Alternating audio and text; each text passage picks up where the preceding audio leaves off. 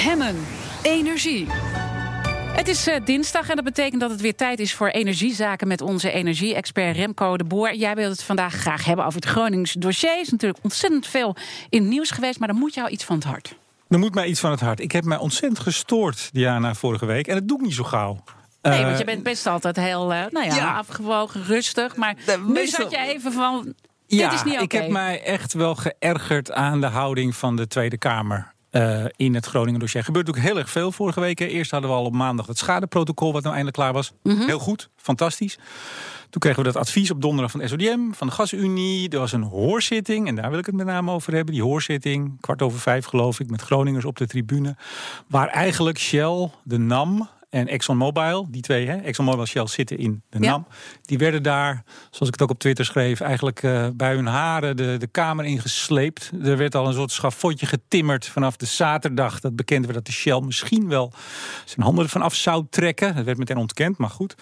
En ja, wat me daarin opviel, ik, het was een aardige een quote van Trouw. Die zei, de Kamerleden waren zo mogelijk nog feller en emotioneler dan de Groningers. En dat was ook zo. Maar dat vind je eigenlijk onterecht? Ja, dat vind ik, dat vind ik heel erg onterecht zelfs. Ehm, als je kijkt naar de opbrengsten van het gas. Ik ga niet het hele verhaal overdoen, maar mhm. even ho hoofdlijnen. 90% van de opbrengst van het Gronings gas gaat naar de staat. Dat gaat naar ons. Dat gaat naar jou, dat gaat naar mij, dat gaat naar de luisteraars. Wij profiteren daarvan. Wij hebben ooit, in de jaren 60 of al iets eerder, hebben we de NAM of hebben we Shell en Exxon gevraagd: willen jullie dat voor ons eruit halen? Zij krijgen 10% voor de moeite. Dat zijn nog steeds enorme bedragen, maar even in de verhouding 90% 10%. Zij lossen ons probleem op eigenlijk. Nou ja, ze nou ja, ze hebben, er ook aan, maar... Uh, alle kabinetten na, vanaf de jaren 60 hebben hun hobby's ermee gefinancierd. Zeker in de jaren 70, toen de kraan helemaal open ging... en we de welvaartsstaat eigenlijk mede hebben vormgegeven door ons Gronings gas. Nou, dat, dat, is de geschiedenis. Dan zie je dat er al heel vroeg wordt gezegd, al in de jaren 70, bodemdaling. Hè. Daar wordt dan als een soort eh, gekke hinkies worden die mensen weggezet.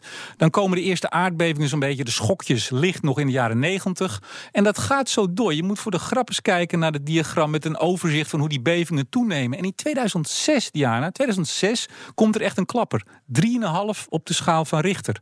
Die, die laatste onlangs 3,4. Ja. Uh, dus dat was een flinke klap. En, en dan zou je denken van, hé, hey, dan gaat er nou, iets... Dan gebeurt er wat. Dan denk je. Hè? En ik, heb nog, ik ben nog even speciaal in de, in de archieven in de Kamer gaan kijken. Niks.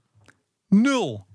Geen commotie, geen ophef, geen vragen, niks. Want Nederland was een gasrotonde aan het bouwen. Namelijk, wij wilden, willen we eigenlijk nog steeds wel, moeten we nu ook wel, want we hebben het nu ontzettend hard nodig. Een soort knooppunt worden waar, waar we gas kunnen importeren en weer exporteren en daar zelf lekker aan verdienen. Nou, daar is niks mis mee. Ja. Maar je ziet dus, we hebben het er toen nooit over gehad. En uh, toen in 2012 pas kwam met die beving bij Huizingen. Toen begon uh, het te draaien, maar ook nog steeds onder invloed van buiten.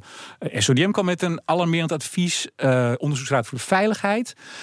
En nou goed, de Kamer is nu gekeerd, kunnen we dan zeggen. Maar dan vind ik wel dat als je, um, uh, dat je ook je, je rol in het verleden als Kamer, het zijn niet deze personen, en het zijn soms niet eens de partijen, maar als instituut, als volksvertegenwoordiging, moet je je rekenschap geven van het verleden. Dat je zelf dus ook niets hebt gedaan in die tijd. En dan vind ik, gaat het niet aan om twee bedrijven, nogmaals die 10% pakken voor de moeite, ze daar echt publiekelijk op het schafot te zetten. Dat is al meer gebeurd hoor. Er is gedwongen dat ze excuus moesten maken. Iedereen heeft excuus gemaakt. Maar zij moeten excuus maken, zeg nou, Ik vind de Kamer moet, ja, ze hoeven niet excuus te maken, maar ik vind dat de Kamer zich, eh, wat ik zeg, rekenschap moet geven van hun rol.